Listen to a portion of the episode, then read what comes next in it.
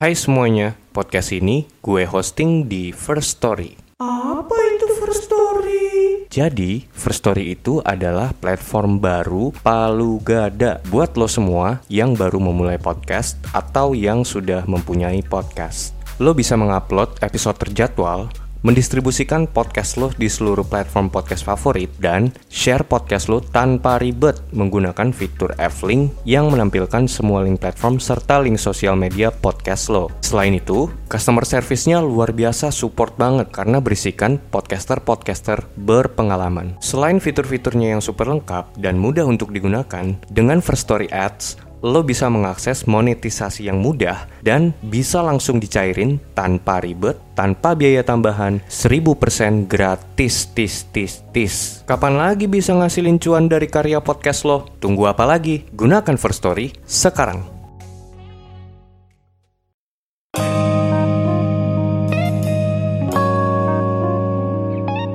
Yo guys, balik lagi bersama gue Randy Dan gue Vincent, di Konspirasi Ngopi. seruput lo kopinya.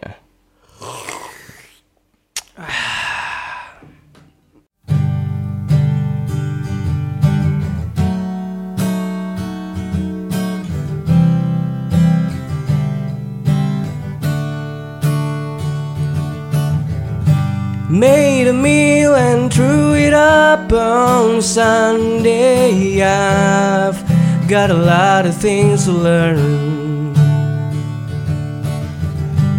Said I wouldn't, I'll believe in one day before my heart starts to burn. So, what's the matter with you? Sing me something new. Don't you know the cold and weird rain? Don't know. Come and go away. Yeah, yeah. Stand by me. Nobody knows where it's gonna be. Stand by me. Nobody knows where it's gonna be.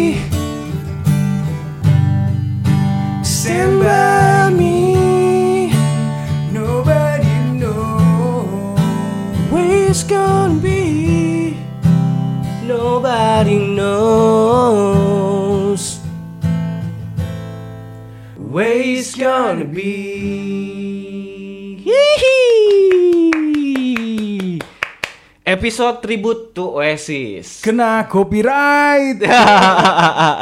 Ikhlas gue bre. Gue Ikhlas, ya. copyright kena copyright sama Oasis kan duitnya masuk ke Liam juga kan. Liam Gallagher. Ikhlas gue. Tapi kalau masuk ke Aldi Taher gimana? Ya kan gak mungkin dong. Kok bisa masuk ke Aldi Taher? Aldi Taher itu suaranya mengingatkan kita terhadap Enggak dong. Liam McGregor, masuk. bro. Kecuali kita bawain lagunya Aldi Taher masuk ke dia gue nggak ikhlas. Oke, Nisa Sabian. Jangan anjing, nggak nggak ikhlas gue. Wah gila ini eh, such a nostalgic ya lagunya. Ya, ini ini benar-benar band yang kita grow up sama band ini gitu, Bre. Yes. Mm, Meskipun kayak gitu. kita tidak terlahir di zamannya sebenarnya. Bre. Tapi relate anjir. Tapi relate. masih relate sampai di umur-umur kita di, di SMP, SMA dan setelah SMA pun itu masih relate bahkan sampai hari ini masih relate, Bre. Asli. Karena lagunya emang long lasting, banget. long lasting, benar. Waduh, kapan Oasis balik?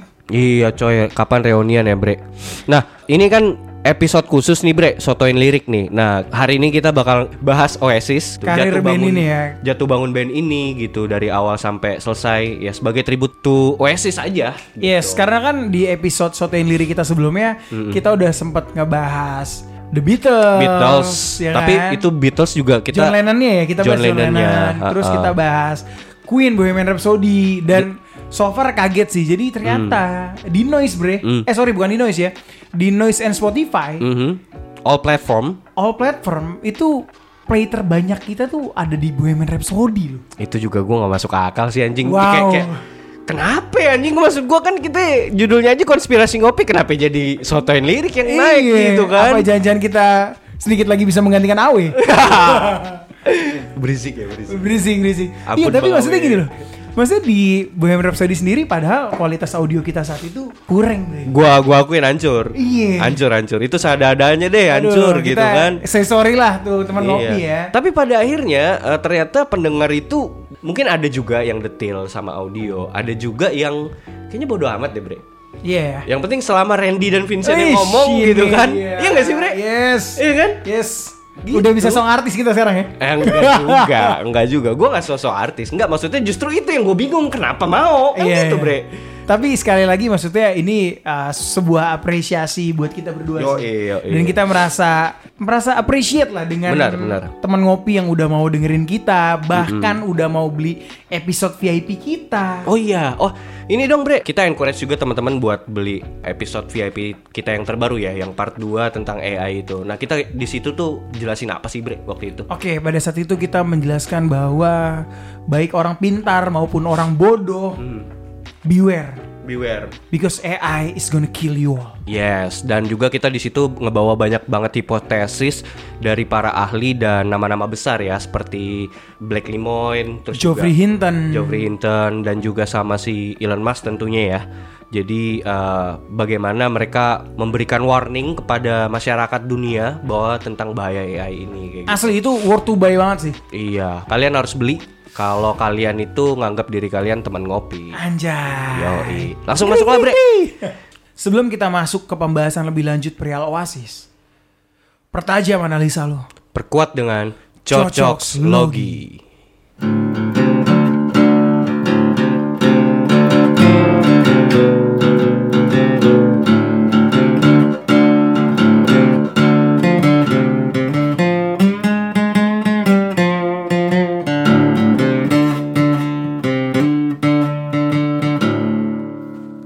Oke, Chen. Hmm. So far untuk anak-anak di circle kita, Yes. khususnya anak-anak yang suka ngeband, Hmm. mereka pada tahu nih bahwa lo segila itu sama Oasis, men. Parah, parah, parah. Nama anak gua aja Liam. Pak. Anjir. William, William. Tadinya gue tuh kayak yang se- sempat debat gue sama bini gue. Bini gue kan, kan gue bilang kan, maksudnya bini gue juga tahu gue demannya sama Liam Gallagher gitu kan. Dia pengennya Liam Gallagher Full. full.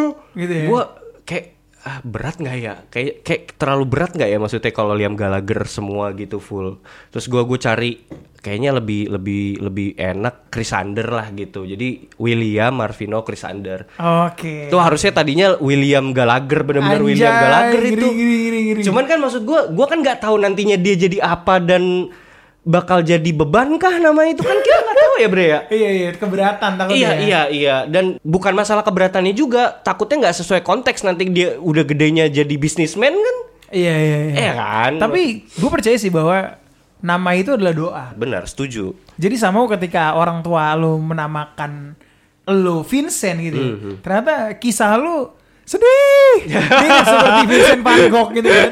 penuh dengan penderitaan gitu ya Penderitaan. sama ya tapi benar ya sama kayak lirik-lirik di lagunya Starry Night itu ya Iya. Vincent itu ya wah iya benar benar emang paling nggak nama itu memang ada soulnya ya memberikan soul kepada si penerima nama Si itu penerima Setuju, nama itu setuju, ya. setuju setuju Nah, sebagai seorang yang gila akan Oasis nih, ya sebenarnya apa sih yang ngebuat lo gila terhadap Oasis itu sendiri, Bre? Mungkin lo bisa ceritain nggak? Maksudnya sejarah lo bisa secinta itu tuh apa gitu loh?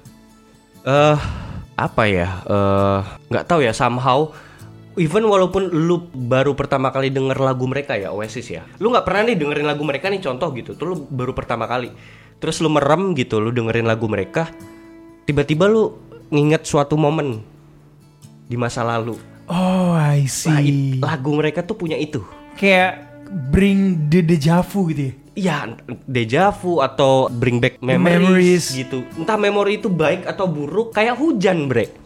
Wow. Lagu Oasis tuh kayak gitu, kayak hujan, kayak membawa kenangan-kenangan di masa itu. Padahal gue baru pertama kali denger lagu itu gitu. I see, I see. Oke, correct me if I wrong gitu ya. Hmm. Jadi gue inget sejarahnya kita bawain Oasis adalah dulu gue sama Fajar bawain Beatles. Ya, Awalnya kan, Benar. kita bawain Beatles sampai akhirnya kita mau coba eh kita bawain Oasis yuk. Dan gue akhirnya gue dan Fajar memperkenalkan Yes, benar. Oasis ke lu gitu kan. Gua gua tahu pertama Oasis tuh dari kalian berdua malah Yes. sebenarnya waktu kita zaman-zaman masih ngeband gitu kan. Dan selama ini kan gue dapat referensi musik dari lu kayak uh, Beatles gitu, Queen.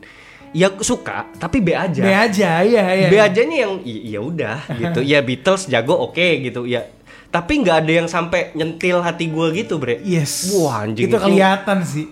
Ah gila ini nggak nggak tahu ya entah karena si penulisnya juga si Noel atau karena si Liamnya tapi somehow nih berdua emang kayak lem sama perangko anjir Ah. dan apa ya yang dibawa sama mereka tuh kalau menurut gue pribadi dan gue bisa katakan mereka mewakili generasi Anjing. bener gak?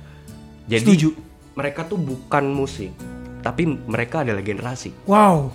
Berarti stronger than music ya. stronger than music. Mereka beyond, bukan lagi musik. Jadi mereka tuh udah bicara tentang 90s itu sendiri. Wow. Jadi kalau lu bilang 90s, Oasis gitu. Bener gak? Setuju. Setuju lagi gue gila. Oke Bre, lanjut. Eh. Lu bisa ceritain gak nih sejarahnya Oasis itu seperti apa? Coba dari dari lu dulu dong. Awalnya gimana? Ntar gue sambungin. Oke, ini kalau dari gue ya, sejarah Oasis itu setahu gue dulu terbentuknya adalah Liam punya band nih, Bre. Benar. Liam punya band, gua nggak tahu lah sama namanya siapa, tapi Mm-mm. personel Oasis juga gitu kan. Ini seingat gue juga ya. Iya. Gue juga bisa salah, gue lupa. Kalian teman-teman bisa ju- bisa juga cek kok. Kalau nggak salah nama bandnya The Rain deh. The Rain. Hujan hujan The Rain. Oke. Makanya kenapa band The Rain itu pakai nama itu? Oke, terlatih patah hati. Iya iya, kenapa mereka pakai eh, nama Drain itu karena sejarahnya Sebelumnya itu. Se- dipakai oleh si eh, Liam dan Noel.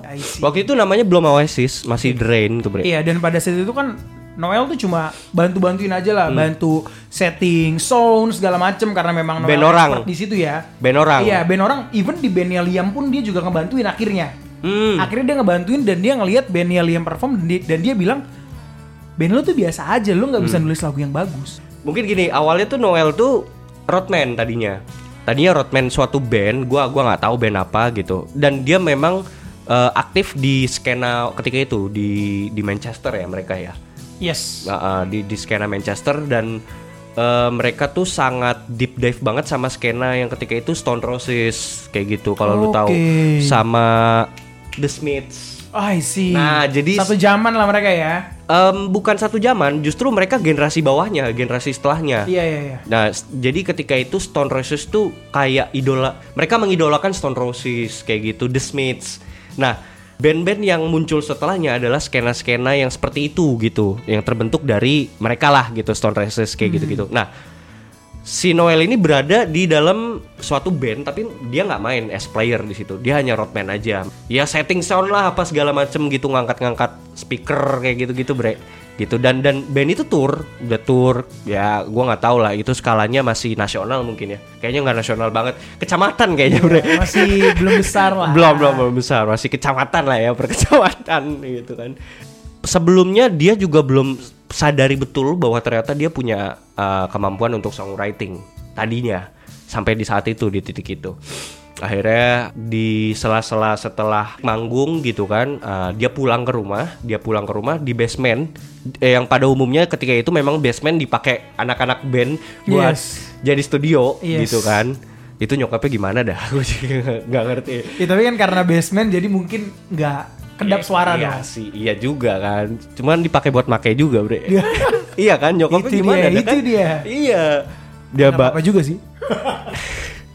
dia pulang gitu kan terus kayak lewat ngelihat si Liam lagi main sama temen-temennya ini tem circle-nya Liam loh Iya. bukan circle-nya si Noel, Noel. gitu ngelihat nih apaan sih band sampah nih adek gua nggak jelas sih gitu kan mainin lagu apa sih lu gitu kan kayak Liam yang kayak anjing lu apaan sih lu cabut cabut sono cabut gitu kan ya. Kayak emang lu bisa lu membuat lagu yang lebih baik dari gua? Gitu kan. Bisa gua. Anjing lu. Nih gua buatin sini gitu langsung masuk ke dalam studio. Gua nggak tahu ya ketika itu prosesnya apakah Noel waktu itu pertama kali nyanyi atau gimana tapi at the end tetap Liam yang nyanyi. Oke, kalau dari yang gua tahu ya, Hmm. dari yang gua tahu itu memang Noel tuh support jadinya gitu loh. Jadi ketika dia ngelihat ah there is something missing in the band gitu ya. Dan yang missingnya itu sebenarnya bukan terkait ah, suara atau apa gitu loh. Bukan, bukan. Tapi yang something missingnya itu the song. Iya. The song and its arrangement gitu ya. And that's song why aransemen soul juga menurut gue iya. Ya, benar. Jadi kayak lagu-lagu yang dibawain oleh Liam ya udah bagus aja gitu. Iya, bagus, nggak tapi- ada X Factor-nya. Yes, bener nggak ada tanda kutipnya. Ya Yes. apa gitu kan maksud gua entah ini karena dia care sama adiknya, entah karena ini rasa kesombongannya, rasa keabangannya itu loh, Bre. Maksudnya Yeah. kayak pan sih lu bocil ya kan kayak gitu ya, Bre. Atau Gitu. dia ngelihat potensi sebenarnya dari band ini, dari vokalnya si Liam juga. Why dia- dan dia gua rasa ya Noel itu ngerasa bahwa dia nggak bisa jadi frontman. Betul. Gitu loh. Betul, bet benar benar benar. Makanya dari awal sebenarnya kalau dibilang dia cuman support doang, bukan support doang, Bre. Artinya dia tuh jadi backbone, Bre.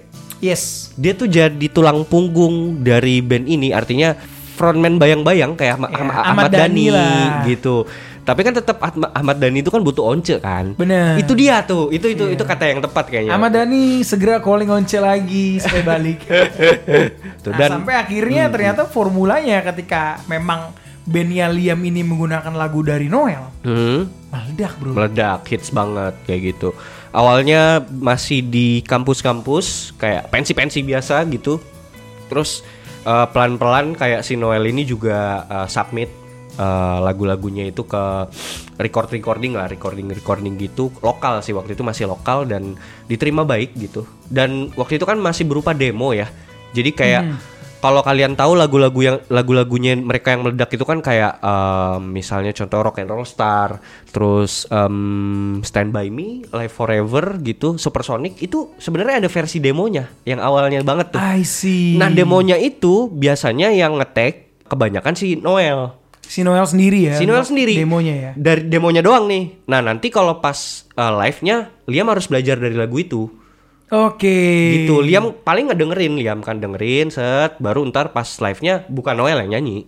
Cuman kebanyakan demonya itu yang ngetek tuh si Noel. Iya karena itu lagu buatannya Noel. Iya, A 100% Noel. benar. Jadi dia yang tahu ini mau lari ke mana, lari ke mana. Mungkin si Liam tuh ya udah ngikutin aja, ngekor aja gitu. Gitu. Liam tuh tipikal pengeksekusi yang Eksekutor. luar biasa. eksekutor. Bisa gue bilang si Noel ini adalah master plan-nya, si Liam ini adalah eksekutor gitu. Yes. Hi- dia bukan strategi si Liamnya gitu, tapi dia eksekutor gitu. Dan to be very honest gitu ya. Mm-mm. Gue setuju lagi ketika lo bilang Oasis ini lebih dari sekedar band because they bring the generation. Oh iya, of course, man.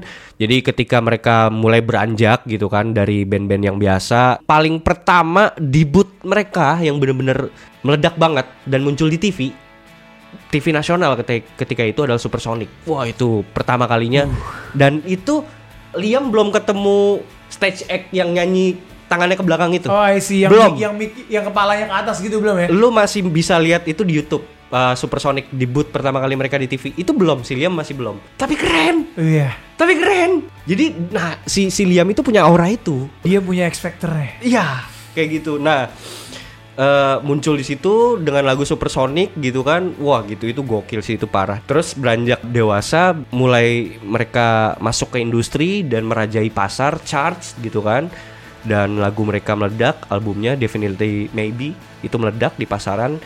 Mulailah eh, mereka menjadi sosok atau icon di zamannya 90s Wow, gitu. gila, Ya mungkin bisa dibilang ketika itu 60s, 70s Beatles gitu kan. Nah, 90s ini adalah dia adalah regenerasi dari Beatles itu sendiri gitu. Yes, gue setuju banget sih, setuju banget karena gini ya, ketika lo ngomong The Beatles, The Beatles itu bisa dibilang pionir lah. Pioneer, yes. Iya, pionir dari every musician lah. Jadi musisinya siapa, ngefansnya pasti sama The Beatles. Tapi Oasis ini something different menurut gue. Gue to be very honest ya, gue as a Beatles fans dan gue lebih ngefans sama The Beatles. Tapi gue akuin bahwa Oasis itu lebih sempurna nih. Hmm, Oasis itu lebih sempurna. Kenapa gue bisa bilang begitu? Karena lagu yang dia sajikan itu udah bentuk sempurna dari lagunya The Beatles menurut Iya, gua. iya, iya. Mungkin bisa dibilang kayak evolusi dari The Beatles itu sendiri. Yes. Jadi penyempurnaan dari Penyempurnaan. dari Beatles. Beatlesnya udah bagus nih. Di demikian rupa jadi lebih bagus lah, jadi lebih perfect gitu. Benar. Dan sesuai dengan zamannya, konteks zamannya Yes. gitu. Kayak gitu. Apa mungkin karena itu subjektif dari kita juga, Bre? Bisa jadi. Gini kan ya. belum tentu Iya. orang yang hidup di Tahun zaman itu Beatles gitu ya, iya, iya. bilang Oasis itu mungkin mereka bisa jadi nggak relate. Nah mungkin tapi kalau untuk generasi kita, kita bisa bilang mereka lebih lebih mudah untuk diterima karena memang udah sesuai ja- dengan zaman kita iya. gitu loh. Ya karena gini, sebenarnya ini bukan pendapat kita pribadi ya karena Hmm. you name it lah musisi-musisi besar Indonesia. Contoh Noah, Rian The Massive, Rian The Massive. Alexa, Yes. The Rain. Even Niji, Niji bisa dibilang Coldplay gitu ya. Coldplay itu juga dari Oasis anjir. Somehow iya, Men, somehow itu iya. gila. Apa pengaruh Oasis juga dalam dunia musik itu gede banget. Makanya kan tadi gue bilang, Oasis it's not a music, it's a generation. It's a generation, it's a fucking generation. Fucking generation. When you sing Don't Look Back in Anger, man, that's real 90s gitu loh. Bener gak? Dan siapa yang nggak tahu Don't Look Back in Nah. Anger? Itu lo cover di cafe, orang tuh pasti nyanyi gitu kan. Bahkan orang tua, orang tua yang nggak hidup di zaman itu anjing kenapa ketika itu mungkin mereka kayak ngolok-olok ah lagu anak muda nih kayak gini tapi pas mereka beranjak tua dengan sendirinya akan relate Yes. Ngerti nggak? Bener bener banget lagi. iya enggak Ya karena gini ya, cewek gua, cewek gua tuh lahir tahun 2000-an ya. Cewek gua tuh lahir tahun 2000. Dia banyak nggak tahu lagu-lagu, apalagi Beatles, Beatles dia nggak tahu lah gitu ya. Tapi ketika gue tanya, lo tau Oasis? Hmm, nggak tahu. Tapi ketika gue nyanyi Don't Look Back, dia bisa nyanyi. nah kan Everyone knows Don't Look Back in Anger. Ya, ya, ya, ya. Jadi dia itu udah penanda. Jadi penanda eh, kalau misalnya pas 90s ke atas udah Oasis gitu. Jadi mungkin kalau 60s itu Beatles udah dicap gitu kan. Nah, di 90s-nya itu Oasis. kayak gitu. Oasis, wah gila. Shout out to Oasis, Ya. Liam Gallagher, Noel Gallagher, dan gua nggak tahu siapa. Nah, kita lebih deep dive in lagi ke dalam eh, yang tadi kita maksud Oasis adalah mewakili generasi. Menurut lu apa? Oke, menurut gua Kenapa kenapa bisa dikatakan seperti itu? Iya, gitu? karena mereka bukan hanya membawa pengaruh dalam dunia musik, bro, Hmm. tapi dalam style, Fashion, fashion, attitude, yes, attitude. and everything. Jadi Everything. kayak orang dan bukan hanya pencinta Oasis gitu ya, orang tahun 90-an, 2000-an tahu keren ya kayak gitu. Ya sorry ya, style-stylenya Ariel Noah ketika dia awal Ah, launching oke, gimana oke. sih, men? Iya, iya, Itu iya. tahun 2000-an loh, dan itu iya, iya. orang juga ngeliatnya masih anjing keren banget nih. Ah iya ya. Keren banget gitu loh. Iya ya karena dan mungkin karena referensi Indonesia ketika itu yang ini gue bisa bilang eh, orang yang nggak tahu Oasis ketika itu dia akan bilang itu keren. Padahal si Ariel sendiri dia ngambil referensi dari si Liam. Yes. Kayak gitu ya. Yes. Nah gitu gitu benar. Sali kau selalu sendiri. Sally, Sally, Sally bro. itu ada di dalam Don't Look Back in Anger. Ada. Kayak gitu. Iya iya. Ya maksud gue you name it lah musisi Indonesia yang nggak nggak terinspirasi sama uh, Oasis gitu loh. Iya kan? Nah kalau gue bisa bilang kenapa mereka mewakili generasi juga ya? Uh, menurut gue karena ya itu tadi maksudnya style juga dan musiknya juga gitu dan their spirit break. Their spirit. Dear Spirit. Their spirit. Spirit in in the way I mean gini loh. Mereka mewakili generasi muda di zaman itu di zaman 90s itu. Mereka mau menyatakan cinta tapi tidak dengan cara yang menye-menye gitu loh. Ngerti gak? Oke. Tersirat gitu loh. Iya iya. Jadi gue gue suka nih sama lo bukan kayak nembak itu bukan nembak yang pakai bahasa-bahasa yang romantis, tapi Hmm. dengan cara anak muda yang rebel seperti itu. Wow. Kayak gitu. Oasis bisa menyampaikan cinta secara universal kepada orang tua, family, kepada friends, sekalipun teman-teman, sahabat, dan pacar dengan cara yang sangat-sangat rebel dan elegan. Wow. Iya enggak? Iya enggak, Bre? Yes yes. I mean, when you say stand by me, nobody knows. Itu nggak ada nggak ada nggak ada kata-kata cintanya. Wow. Tapi meaningnya lebih makna dari Lebih dalam ya. Gue sayang sama lo. Kayak apaan sih gitu kan? Iya nggak Iya, sih bre? iya, iya. Tapi ketika lo stand by me, nobody knows what's gonna be kan? Man, itu itu lebih lebih Beyond, ya. beyond. Dan itu bukan bicara itu bisa lo sampaikan kepada kekasih, bisa lo sampaikan kepada orang tua lo, bisa lo sampaikan kepada teman lo dan romantisme itu sangat bisa diwakili di dalam lagu-lagu mereka. Jadi ketika itu ternyata ada loh romantisme terhadap teman juga gitu. Universal. Universal. Iya universal dan dan mereka tuh sangat bisa mewakili eh, apa namanya romantisme istilahnya bahasanya kalau dalam dunia cowok tuh bro Bromance. bromance sorry bromance bromance-nya itu benar-benar bisa kuat banget dan itu bisa benar-benar ngena banget di dalam lagu-lagu mereka gitu Ya, hal Kayak itulah gitu. yang dic- yang dicoba diceritakan di film Stand by Me Doraemon. Oh ya Yes. Hmm, Makanya filmnya Doraemon judulnya Stand By Me. I see. Itu kan menceritakan gimana seberapa dalamnya cintanya Nobita terhadap Doraemon.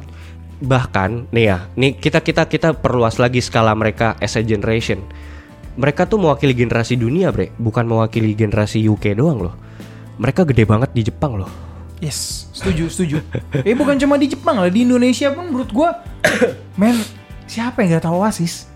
bahkan mereka tuh kayak punya tempat khusus di di hati para orang Jepang Oke. dan dan itu ikut membangun kultur musiknya si Jepang juga Wow, iya. paling tidak. juga ya. karena gini deh sekarang ngomong ngomong kalau kita mau ngomong eh, mewakili generasi ada yang bakal nge-counter gua? Enggak. Yang mewakili generasi itu Nirvana. Enggak juga bre. Karena gini Nirvana itu oke mewakili generasi generasi yang mana dulu nih? Generasi Bronx generasi Generasi punk, rebel. Punk dan grunge gitu. Nah itu kan hanya se- segelintir orang. Tapi kalau Oasis tuh udah mencakup semuanya. Jadi nerd sekalipun nerd nerd dalam artian eh, lu lu introvert lu masih bisa di dalam generasi Oasis itu gitu loh. Iya, iya. kayak gitu loh. Nah kalau Nirvana itu nggak keseluruhan. Karena Nirvana juga kan dia mainnya di US kan kayak gitu. Nah tapi kalau Britpopnya si Oasis ini bener-bener eh, mengayomi seluruh dunia Luas, iya. luas kayak Bahkan gitu. sampai ada air minum Oasis loh. itu nggak ada hubungannya Oh, anjing Itu beda ya? itu Oh, beda oke, oke, oke, itu sorry, beda sorry. nah Kirain gue sampai dibuat air minum tuh.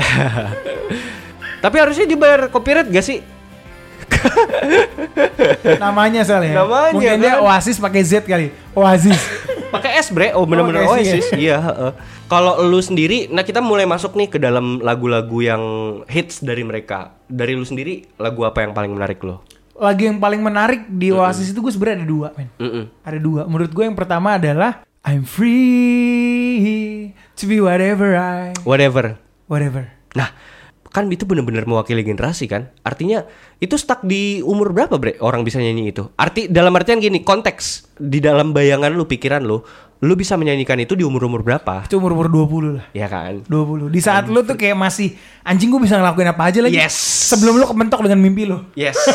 kan I'm free to be whatever I. Iya. Jadi itu adalah masa-masa remaja, masa-masa generasi itu wah anjing itu generasi 90s denger lagu itu anjing nih lagu gua Ay, banget nih. gila, gila, nggak? iya. I'm free to be whatever I. Dan lirik yang paling gue suka adalah gini You're free to be whatever you Whatever you choose If it comes my way it's alright Jadi Iya. di situ muncul Anjing pede banget loh gini loh Lu bisa jadi apa aja Selama gua mengizinkan Selama gua memperbolehkan silahkan Yes. Dan Anjing. dan itu adalah uh, rebel-rebelnya remaja. Dan gue yakin mungkin ketika lu habis diomelin sama mak lu, lu puter lagu itu ya kan, Wih. Yang kenceng gitu kan. Berdasarkan dunia Ini- milik gua ini jawaban gue terhadap omelan mak gue Iya. gitu kan maksud gue itu kan bener-bener bakal relate banget sama generasi itu gitu loh anjing bahkan sampai hari ini pun akan selalu relate dengan teenager teenager zaman sekarang Yes. Udah gitu key pointsnya adalah yang bikin mungkin orang-orang zaman dulu gitu ya, zamannya di Beatles bisa suka dengan lagu whatever ini. Karena di akhirnya di setiap mereka bawain live, mereka di situ nge-medley lagu ini, Bre. Sama lagu Octopus Garden-nya di Beatles. Ih, kombinasi itu epic. gimana dah itu gimana dah Iya kan? Or- I uh, like to be under the sea in an octopus's garden to be free. Ah. gitu ya ya, ya. Wow, itu gila sih. itu lagunya si Ringo bukan Ringo, oh, iya. benar lagi Ringo. Makanya anjing gue, gue suka Oasis gitu. Tapi Ah. memang gue tidak segila itu. Tapi menurut gue lagunya itu satu lebih gampang dicerna, kedua, iya gue harus meng- mengakui sebagai fans Beatles gue ngakuin lagu Oasis itu perfect. perfect ya dia dia adalah adalah salah satu eh, apa ya evolusi dari Beatles itu sendiri tapi lebih perfect gitu ya Oke. Itu itu satu. Terus apa lagi, Bre? Yang kedua itu ada Half the World Away. Oke, Half the World Away. Nah, ini kalau ngomong lagu favorit pasti kan ada something dari lagu itu yang benar-benar ngena sama lo. Ini ngena secara apa nih, Bre? Kalau kalau dari lu, ngenanya tuh gimana gitu loh. Oke, lo mungkin bisa bantu bacain liriknya nggak? Ya, ya, ya. Biar gue ingat nih. Oke, gua gua bacain liriknya atau mungkin gua nyanyiin ya. Di verse pertama nih, ini eh, konteksnya ini lagu Noel ya. Ini lagunya Noel, Noel. Dan lagu ini Noel. bener-bener Noel yang nyanyiin. Yes, bener Bukan Liam, bener-bener Noel. Dan mungkin kalau Liam yang nyanyiin kayaknya nggak bakal kena deh. Ini bener-bener lagu soulnya emang ada di Noel gitu loh. Bener, bener. Verse pertama, I would like to leave this city. This old town don't smell too pretty and Ah, gila, gue denger denger nada itu aja. Aduh anjing sih. Wow, ini enggak jujur ya menurut gue Ah. ini lagu yang sempurna sih. Lagu yang sempurna dari nada, dari lirik karena gini. Di sini tuh terlihat jelas ya bahwa Noel mengutarakan bahwa gue tuh pengen ninggalin kota ini dan itu pula yang terjadi di diri gue bro. Di mana gue pengen banget ninggalin Jakarta men. Hmm. Gitu. Ya, ya itu adalah suatu. Jadi mungkin eh, kalau gua mau tenggelam ke dalam lirik ini, gua mau tenggelam ke dalam dimensi pikirnya si Noel. Gua gua terlalu jenius untuk kota ini. Yes, that's right. It's like like this city is ah shithole gitu loh. I wanna leave this city fucking city gitu loh. Ah, makanya dia bilang, this old town don't smell too pretty Iya, iya. Ah, lanjut ya. I can feel the world inside running around my mind. Lanjut. And and when I leave this island, I'll book myself into a soul asylum. Itu apa tuh, Bre? dia tuh kayak semacam gini loh. Hmm, Uh, Ini kalau yang gue bayangkan ya. Iya. Jadi Noel tuh mengandai-andai bahwa bahkan dia itu harus pergi jauh dari dunia ini, bro. Karena Hmm. dia ngerasa dunia ini tuh nggak kerangkeng dia. Iya, iya, iya, iya, iya. Gitu. Jadi eh apa ya? Freedomnya dia tuh bener-bener dikerangkeng sama sistem eh, yes. Kalau ketika itu konteksnya dia se- sebagai remaja yang berada di sistem ya maksud gua sistem keluarga lah. Paling tidak itu ya maksudnya kamu gede harus jadi ini ya, pengusaha ya. Itu kan tipikal-tipikal orang tua di zaman itu kan. Randy gede harus jadi PNS supaya kamu bisa bermain Zuma. Fuck! Bener gak? Iya kan? Dan ketika itu mungkin kamu ngapain sih ngeband ngeband terus gitu kan? Iya kan? Enggak, gue mau ngelakuin apa yang gue suka. Dan itu bener-bener bener-bener mewakili generasi di zaman itu kayak Yes. gitu. Bahkan sampai sekarang relate kayak gitu. Kayak gitu. Lanjut ya kayak Refnya dong. di refnya refnya ini uh, so here I go. I'm still scratching around in the same old hole. My body feels young but my mind's is very old. Wah anjing ini keren sih. Ketika tadi kita brainstorming ya bre. Ini adalah satu-satunya lagu Noel yang benar-benar literal. Jadi kita bisa ngambil maknanya langsung dari di dalam lirik itu sendiri. Jadi udah udah tersurat bukan lagi tersirat gitu. Yes, dan maknanya ini bener-bener mendescribe isi pikiran, isi hati Noel. Yes, ini beneran ini beneran Noel yang ngomong Yes. gitu loh. Kalaupun seandainya ditanyakan kepada Noel, dia mau berkilah beralasan apa-apa apa enggak anjing ini beneran pikiran lu lu nggak usah ngomong babi bu babi bu ini udah pikiran lu gitu dia nggak bisa menghindar lagi bre Nggak bisa. karena ini udah terlalu literal gitu Nah ini dilanjut ya. You can give me the dreams that aren't mine anyway. Ya. You're half the world away. You're Ya. half the world away. Jadi dari keseluruhan refnya ini, gue ngerasa Hmm. tuh kayak si Noel nih kayak dipaksa either itu oleh sistem, oleh keluarga, or anyone ya, Hmm. untuk ini loh mimpi lu tuh harusnya seperti ini. opini masyarakat Yes. opini masyarakat Dan Noel bilang anjing enggak. ya Lu nggak bisa ngasih gue mimpi yang itu bukan mimpi gue. Benar, benar, benar, benar. Iya, iya. Opini masyarakat. Ya maksudnya kan opini masyarakat kan akan membentuk orang yang sukses itu adalah orang yang bekerja di kantoran, yang yang kerja sebagai PNS gitu kan, PNS Los Santos gitu kan, benar gak? Yang kerja main Zuma. Diberi tunjangan, ya apa? walaupun dia bekerja main Zuma gitu, cuman kan terjamin hidupnya. Iya bener. Iya kan? Benar. Dan dan itu adalah impian setiap orang tua pastinya. Benar gak? Benar. Kayak gitu. Ya baby boomer ya. Generasi sebelum kita apa sih? Iya generasi baby boomer bener. Baby boomer, Baby kan? boomer. Yang di mana ketika itu ya internet belum ada, maksudnya eh, globalisasi belum belum belum sedemikian rupa lah. Tapi ya itu dia tadi gue bilang Oasis, Noel, Liam itu mewakili generasi di zaman itu. Bener-bener mewakili rebelnya generasi di zaman itu gitu. Mungkin kalau Nirvana tuh terlalu apa ya? Terlalu Iya terlalu hard, terlalu keras lah. terlalu gitu keras ya. gitu. Maksudnya ujung-ujungnya ke drugs gitu kan. Iya dong. Iya. Nah, tapi kan kalau ini tuh rebel dalam artian yang elegan. Yes. Kayak gitu. That's why tadi ketika lo bilang nerds juga suka, iyalah. Iya. Nerds mana yang gak suka denger lagu ini bro? Iya, Bre, bener. Men- Ini nerds banget, Pak. Yes. Ini nerds banget dan itu yang lagu tadi whatever, itu nerds banget anjir. gitu Ya loh. ibaratnya lu tertarik untuk ngebuat suatu roket dan bokap lu bilang gua gak ada duit untuk lu eksperimen buat roket. Dan- udah lu belajar Pancasila supaya lu bisa Iya, masuk PNS. Iya, gua nggak ada duit buat ngebiayain lu sekolah di astronomi, yang which is mahal, Hmm. Mahal. gitu kan? Iya, udahlah. Jadi buru pabrik aja udah paling gede. Iya, iya, Loh, iya. di Manchester, Manchester kan buru pabrik, iya, Bre. iya, iya. Bokapnya itu waktu itu Man- Manchester by the Sea. Iya kan? Yes. Mereka iya mereka buru-buru pabrik lah gitu. Dan dan eh, kita kalau kita mau flashback masa kecil mereka nih mereka mendapatkan abuse bre dari orang tuanya sendiri. Eh, khususnya bokapnya. Kayak gitu. Oke. Iya, ya eh, apa sih eh, klasik lah Iya, bokap-bokap yang eh, cuman bisa ngomel-ngomel, minum-minum kayak gitu. Ya, gitu. Iya mungkin menurut banyak orang gini loh. menurut mayoritas gitu ya. Mayoritas bukan dalam agama gitu, mayoritas dalam masyarakat. Masyarakat. Iya, mayoritas dalam masyarakat berpikir bahwa ah elah lu lemah banget, masa gara-gara lo dikekang, di apa, lo akhirnya jadi buat lagu, ah elah lu lemah banget, ikutin society lah, men. For some people, Mhm. mungkin bisa berlaku demikian, tapi untuk orang-orang yang pemikirannya jauh di atas itu, buat teman ngopi yang jenius, yang di luar sana yang lu punya goals, punya mimpi, men, ini lagunya Noel tuh ngebangkitin banget, Iya, iya, iya. ngebangkitin mimpi lu gitu loh, lu kejar mimpi lu sekarang. Yes. Sebelum Anda terjatuh. Sebelum mimpi Anda membanting Anda. Tapi paling tidak you try it lah. You try. at least. Jadi ya maksud gue kan you only live once kan. Benar gak bre? Ya kalau gagal ya udah. That's life gitu That's kan. fucking life, baby. At least you tried. Iya dong. Yes. Kayak gitu. Dan dan yang paling menarik di dalam lirik ini ya kalau menurut gue my body feels young but my mind is very old. Wow. Man, that's fucking genius. Ah, iya satu lagi. Kalimat yang bisa gue ambil dari seorang Noel adalah he's a fucking genius. Agree. Dia genius dalam artian gini. Kalau John Lennon itu dia eksentrik. Dia hipster. Dia pendobrak. Eh, Freddie Mercury his eh, seniman. Mainnya masterpiece gitu. Jadi perfeksionis gitu. Nah, kalau Noel ini genius. Jadi beda tuh beda. Itu beda tiga-tiganya tuh beda.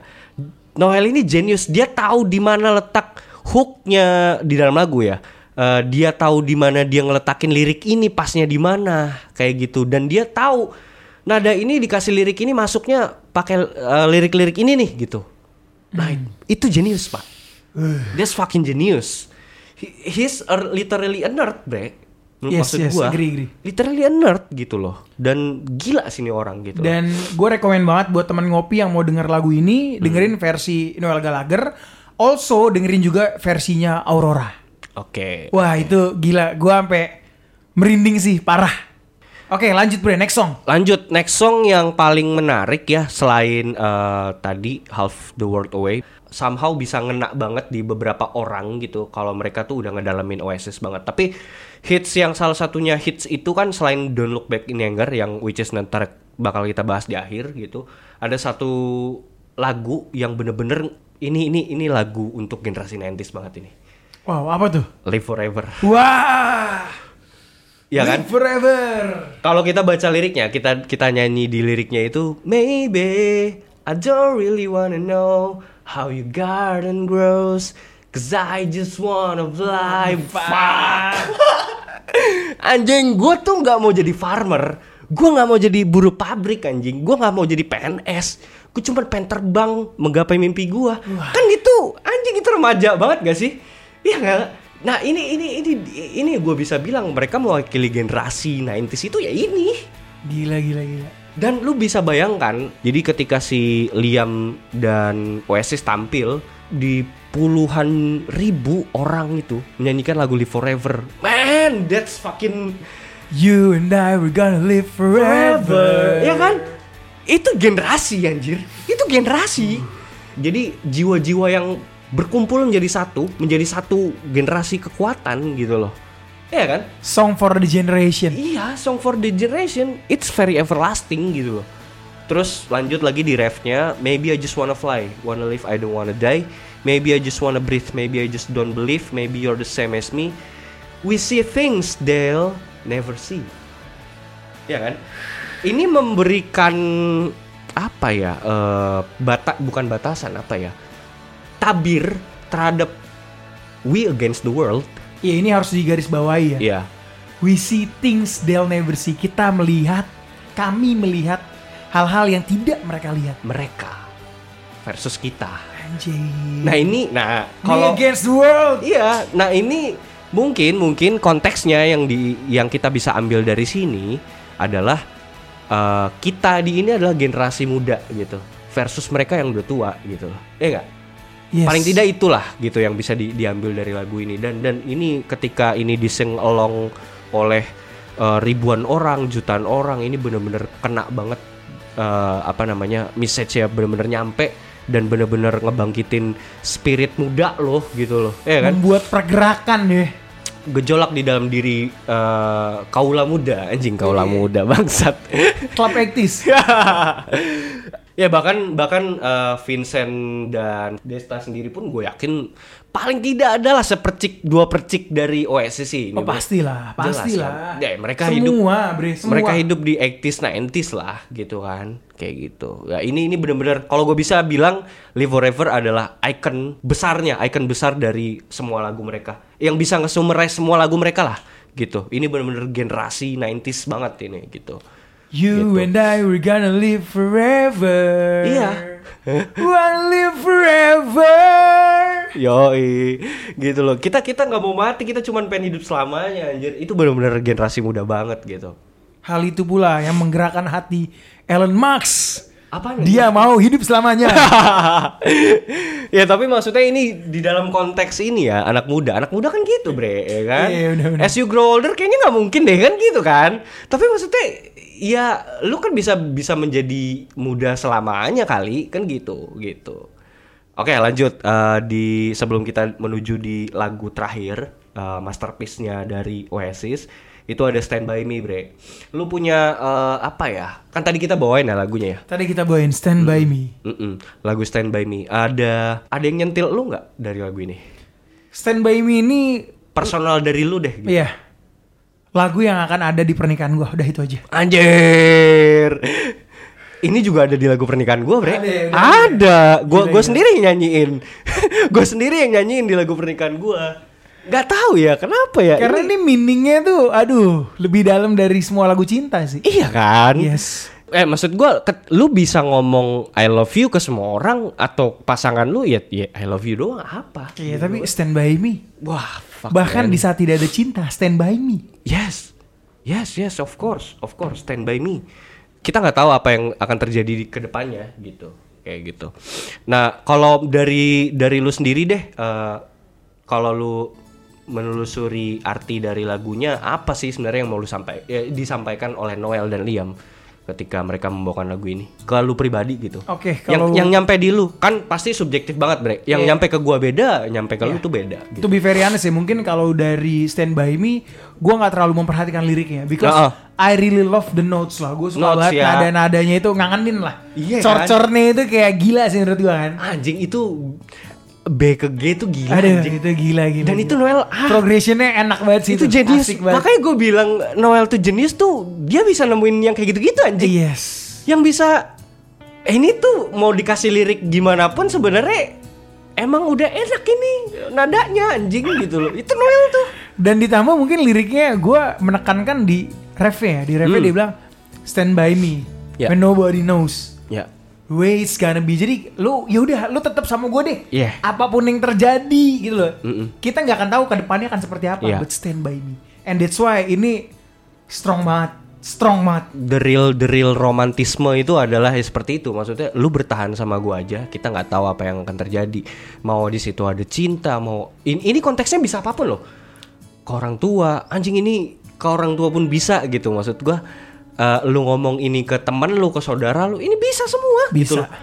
Dan ini kan maksudnya keresahan remaja yang tidak bisa menyampaikan sesuatu yang dari hati Benar. gitu loh maksudnya ya lagu ini udah mewakili perasaan gua perasaan sayang gua kepada siapa pun itu Yes. ke orang tua gua yang kayaknya kan mah aku sayang mama kayak kayak kan kan nggak bisa gitu kan remaja kan nggak bisa ngomong kayak gitu gitu kan dan dan ini benar-benar bisa mewakili eh, rebel dan elegannya eh, cara kita menyampaikan rasa sayang itu sendiri gitu bre. Dan kalau gue bisa bilang rata-rata ya penulisan dari Noel ini kenapa gue bisa bilang jenius? Dia tuh menggunakan kejadian-kejadian atau momen-momen di masa lalu di di masa kecil dia terutama dengan adiknya itu dengan si Liam Gallagher itu. Ini tuh benar-benar proyeksi masa kecil dia eh, si Noel ya. Ini dari sudut pandangnya Noel dan benar-benar bisa dieksekusi dengan baik oleh Liam. Dan somehow gini ya Bre. Nah ini kita ta- dari tadi kita ngomongin dari sisi Noelnya gitu. Nah kalau dari sisi Liamnya somehow suaranya Liam ya suaranya Liam itu suara-suara bangsat tapi somehow juga di situ ada polosnya. Kepolosan seorang anak kecil gitu. I see, I see. yang yang bisa selalu dia bawa sampai dia dewasa bahkan sampai hari ini pun gitu loh. Jadi ini mah suara bocah nakal gitu ngerti gak bad boy bad boy bukan bad boy in the way yang kayak gitu ya tapi maksud gua ini mah bocah nakal gitu loh Yang ngeblend dan menjadi sempurna ya. Iya. Dan dan dan ini bener-bener dan apalagi liriknya bener-bener ngebangunin masa kecil lu, momen masa kecil lu di dalam lagu ini dan disampaikan dengan baik oleh si Liam yang suaranya bener-bener polos. Hmm, I see, I see. Polos in the way bener-bener polos ya. Artian dalam artian iya ada ada suara grunge dan rockstarnya di situ. Bahkan kalau mau dilihat sendiri, Liam juga pernah ngomong dia ngambil referensi bahwa dia tuh juga terinspirasi vokalisnya Sex Pistols. Suara vokalisnya Sex Pistols tapi lebih polos gitu, lebih anak-anak kayak gitu. Dan dan ini sangat sukses banget sih Liam bisa ngebawain ini di di di sini sih kalau menurut gue itu kayak gitu, Bre. Menurut lo? Iya, satu hal yang gua denger gitu ya. Hmm. Yang gua denger dan gua rasain dari hati gua, Hmm. Liam itu tulus. Tulus, Iya. sincere, benar benar benar. Saat Kepolosan dia- itu loh Yes. gitu. Dan saat dia bernyanyi, dia bukan tipikal vokalis yang penuh teknik, bro. No, Teknik dia nggak bagus, reach-nya dia juga nggak bagus. No. Range-nya dia tuh nggak No. tinggi, bro. No, iya. Standar chordnya dia. Iya, iya. Chordnya dia tuh mentok di A, A, Iya, iya. A yang standar gitu ya. That's why kalau dia bawain Don't Look Back yang chordnya dari C, itu menurut gua berbeda, akan kurang bagus gitu ya. Tapi suaranya dia nih meskipun gak tinggi dan gak berteknik, tapi nyampe, tulus dan enak renyah ngerti gak lo? Iya, kayak didengar iya, tuh kayak iya. anjing. Anjir, eh somehow emang kalau kita udah ngomong art ya, eh, seni ya, apa apa pun itu ketika lu udah berhubungan sama seni, lu nyampeinnya dengan tulus gitu. Podcast sekalipun, Bre, ketika lu ngomongin hal itu bener-bener tulus dari hati lu, itu bakal nyampe lagi ke Nyampe. listener atau lagu sekalipun gitu. Jadi ketahuan di mana ketika orang itu lagi template gitu Yes. dan dan sama orang yang lagi bener-bener nyampein isi hati itu itu beda banget dan itu yang dilakukan sama si Liam Yes. He's a fucking 100% in the lyrics gitu loh. Wow. Jadi ketika misalnya lo eh, contohnya di lirik yang Stand By Me tadi ya, contohnya itu dia misal contoh di di di verse 2 times are hard when things have got no meaning itu benar-benar dihidupkan di dalam proyeksi pikirannya si Liam. Dan dia coba nyampein itu di dalam posisi dia tenggelam di dalam lirik itu gitu loh. Jadi dia tidak berbohong seolah-olah dia sedang bernyanyi, tapi dia bener-bener nyampein ini loh yang mau disampaikan lagu ini gitu loh. Yes. Nah Dan- makanya dan itu bisa nyampe. kan. It- that's the key. Gitu. Nah makanya konspirasi ngopi kita menyampaikan ini juga dengan tulus. That's why kita akan menjadi generasi dalam podcast. Kita akan menjadi generasi. Nextnya kita akan menaklukkan scary things. Dan itu itu kayaknya keresahan bersama sih. Itu keresahan dari semua podcaster noise kayaknya. Keresahan Oza. Oza Rangkuti, Tretan Muslim, Waduh, ya kan? scary things horror akan dikalahkan. Nih, tunggu tunggu. Tenang, newcomer konspirasi ngopi. Tapi ya maksudnya kalau gue sih apa yang bisa dari, diharapkan dari negara Los Santos yang IQ-nya 70 ini, Bre? Wax. Kan gitu kalau gue sih. Jadi ya ya udahlah gitu kan. Oke, eh, last dari lagu masterpiece mereka ini, Bre. Don't Last but not least ya. Yes, of course. Dan ini masih bakal kita panjangin nanti di part 2 ya, Bre. Di mana kita akan ngebahas uh, break up mereka, uh, di mana setelah mereka bubar gitu. Tapi ini kita tenggelam dulu di dalam Don't Look Back in Anger. Silakan, Bre. Oke. Mhm. Don't Look Back in Anger ini adalah lagu yang mewakilkan every generation. Yes, of course. Selain tadi Li- Live Forever ya, Bre. Ya, dari orang tua hingga orang muda Ya. hingga anak-anak gitu ya. Hmm. Everyone knows the fucking Don't Look Back in Anger. Iya. Bahkan lu nggak usah nyanyi langsung di verse-nya di di apa tuh chord yang awal F itu aja, genjrengan itu aja orang udah tahu langsung ngeh lagi gitu. Di kalau misalnya lagi nongkrong di cafe ya anjing lagu Don't Look Back lagi gitu. Padahal itu tau gak lo, chordnya dan intronya mirip kayak lagu apa? Imagine. Imagine anjing. Da- Noel ngaku, Noel ngaku dia bener-bener ngomong ini kayak tribut gua lah to the John Lennon. Karena kan oke. dia juga sangat mengadmire John Lennon Bener, kan. bener, bener. Dia dia dia ngomong, dia ngaku kok ya ini emang bener-bener F yang dari Imagine itu. Cuman kan kalau Imagine kan piano kan atau Bener. keyboard kan. Nah, kalau ini versi di genjrengan gitarnya dia. Iya, dan tapi Gitu. sayangnya punya anda lebih terkenal dibanding punya John. punya anda Iya, lebih iya, terkenal, iya, iya, Noel iya. Gallagher. Iya sih gitu. Oke, Dan Don't Look Back masuk- in masuk- Anger ya. Don't Look Back in Anger ini kalau dari sudut pandang gua, gue tidak mengerti bro, apa Ya. arti lagu ini. Karena lagu ini penuh dengan keabstrakan dari sisi lirik. Tapi kalau dari pengertian secara harfiah sih mungkin ya, mungkin Don't Look Back in Anger. Nggak ada salah, nggak ada benar, tapi kayak lu jangan jangan saat lo marah tuh lu jangan melihat ke belakang gitu loh. Lu Jang- jangan, jangan- Ah, jangan gua pengen mengungkit-ungkit ngomong. hal-hal yang udah terjadi yang bisa membuat lo marah gitu loh. Ya, ya, ya, jangan ngungkit-ngungkit ya. Intinya itu jangan ngungkit-ngungkit ya, kayak gitu. Oke, bener sih, paling tidak itu. Dan ya ini, ini jeniusnya Noel. Noel tuh bisa bener-bener uh, membawa kita tuh ke ke dalam dimensi pikirannya dia, di mana ini sebenarnya dia lagi nyeritain masa kecil dia sama Liam. Ini sebenarnya relasi dia dengan Liam, bre. Oke. nggak, Kayak gitu loh. Maksud gua, eh Sorry, ini dengan Liam Payne ya, One Direction. No, Liam Liam Gallagher Oasis gitu. Meskipun ya, gue yakin si Noel juga kayaknya dia nulis lirik ini masuk masukin doang, bre. Yang penting pas sama nada. Kayaknya itu sih kalau gue ya, Hmm. kayak gitu. Tapi yang paling bagus tuh di sini. So I start a revolution from my bed. Wow. Wah anjing itu gokil sih. Jadi dia starting the revolution dari tempat tidur ya. Nggak usah, nggak usah ini, nggak usah sampai jauh-jauh lu ngubah negara ini masuk sistem negara ini nggak usah. Lu bangun di dari tempat tidur lu dulu aja. Itu dulu aja. Itu udah paling tidak lu mau ngomong revolusi, ya lu revolusi diri lu aja dulu gitu. Kayak gitu sih. Itu sih yang mau disampaikan di, di, di lagu ini meskipun mereka tidak ya. Mereka tidak menjalani itu ya. Mereka just live rock and roll aja ya kan. Gitu loh. Tapi menurut gue mereka melakukan itu loh at the end loh. At the end gini. At in the end- in in in the way in in art ya in art ya. Iya. In a different way gitu loh. In a different Dari yang way. diekspektasi orang mungkin sedikit berbeda. Tapi yang gue lihat adalah yang dilakukan Noel gitu ya. Noel sudah sudah sangat berjasa, sudah sangat berhasil dalam melakukan revolusi. revolusi. Generasi. Gila bener-bener di mana revolusi itu kan adalah kalau kita mau ngomong kasar ya bre revolusi itu sebenarnya ada perlawanan bre. Yes. rebellion. Rebellion terhadap sistem opini masyarakat yang sudah terbentuk kaku sedemikian kakunya.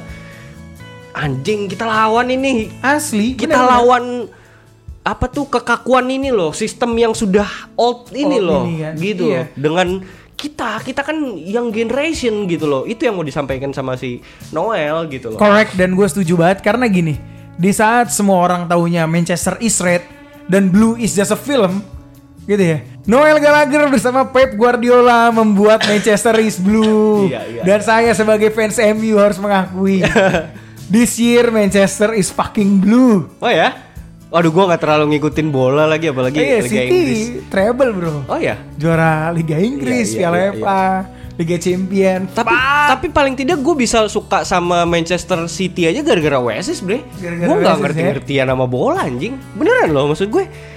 Ini mereka kan juga tergila-gila banget sama Manchester City, City, kan. mereka City banget. City to the bone anjing, iya mereka gitu suka kan. sama City Jadi kalau si misalnya si Noel lagi duduk di tribun kanan tuh si Liamnya duduk di tribun kiri nggak nyatu emang nggak Dan mungkin yang membuat bareng. Manchester City bisa juara treble ini ya. Hmm? Karena pada pada saat itu Liam Gallagher pernah nge-tweet, Bro.